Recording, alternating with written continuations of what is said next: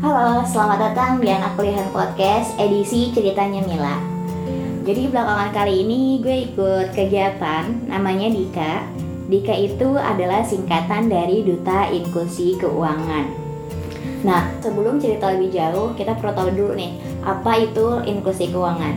Jadi, inklusi keuangan ini adalah keadaan di mana setiap orang memiliki akses ke berbagai produk dan layanan keuangan yang terjangkau. Nah, inklusi keuangan ini untuk memudah merupakan langkah penting untuk berkontribusi pada pembangunan dan pertumbuhan sosial ekonomi yang inklusif. Jadi di sini kami Duta Inklusi Keuangan Indonesia adalah fase ketiga dari inisiatif Inklusi Keuangan Pemuda. Ambisinya Dika sendiri ini adalah membuka kesempatan bagi pemuda untuk mengambil peran aktif dan berkontribusi ke peningkatan inklusi keuangan di Indonesia. Jadi di sini kami akan mendapatkan pelatihan untuk menjalankan berbagai kegiatan terkait peningkatan literasi dan akses keuangan serta perlindungan konsumen. Ada banyak banget sebenarnya yang bisa kita dapatkan ketika mengikuti Dika ini. Uh, dimulai dari bulan Oktober sampai bulan Juni nanti. Di bulan Desember itu sekitar akhir-akhir dapat pelatihan bulan Januarinya inaugurasi dan Februari sampai Juni itu masa aktifnya kita yang kita dapatkan itu ada topik pembahasan dasar. Jadi di antaranya adalah inklusi keuangan, pengenalan akuntansi, pajak, hukum, dan lain-lainnya mengenai literasi keuangan itu sendiri. Jadi sebagai mahasiswa jurusan sastra Indonesia, gue merasa ini sangat berguna banget.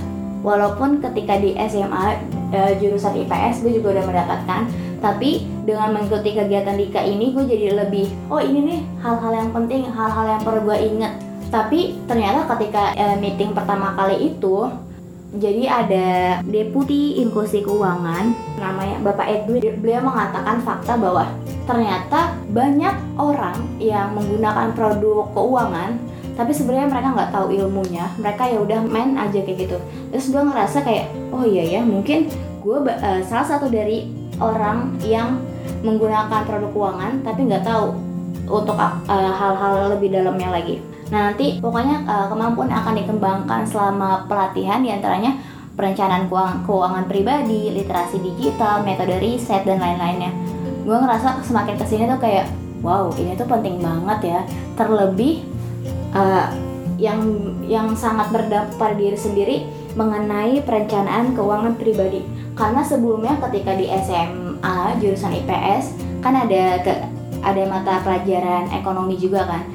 Gue dapat pelajaran ekon, uh, ekonomi, tapi saat itu singkat gue ya, gue tuh nggak tidak mendapatkan uh, topik perencanaan keuangan pribadi di mana ini tuh menjadi penting banget ketika kita juga uh, punya pendapatan baik dari orang tua maupun dari dari gaji ataupun hal-hal kegiatan lainnya yang mendapatkan uang. Tapi kita suka ngerasa kok gue duit dari yang misalnya 200 ribu dapat satu juta tapi kok kayak nggak ada hasil ya? Kok nggak nggak ngerasa?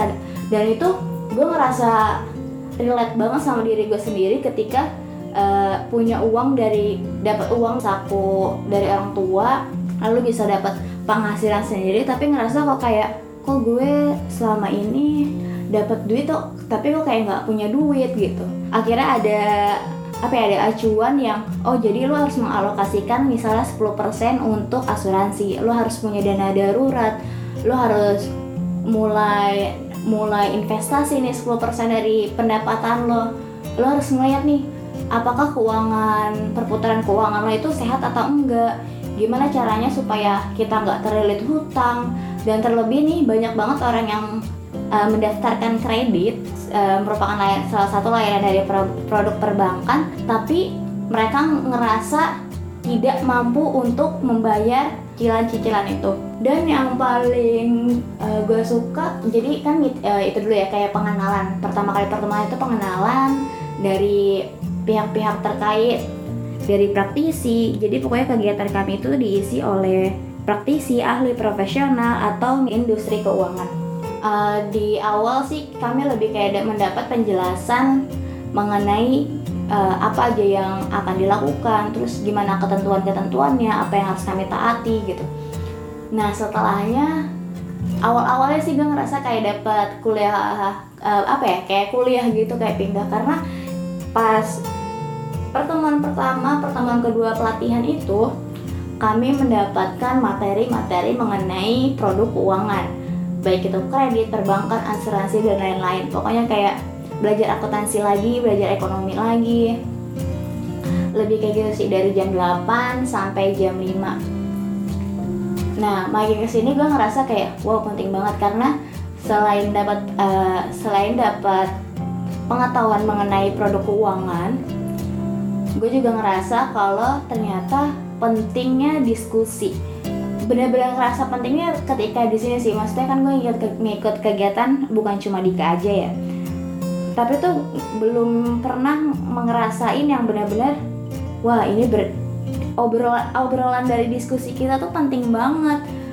Kita bisa belajar bisa sama-sama belajar menghargai bisa bisa sama-sama saling mendukung.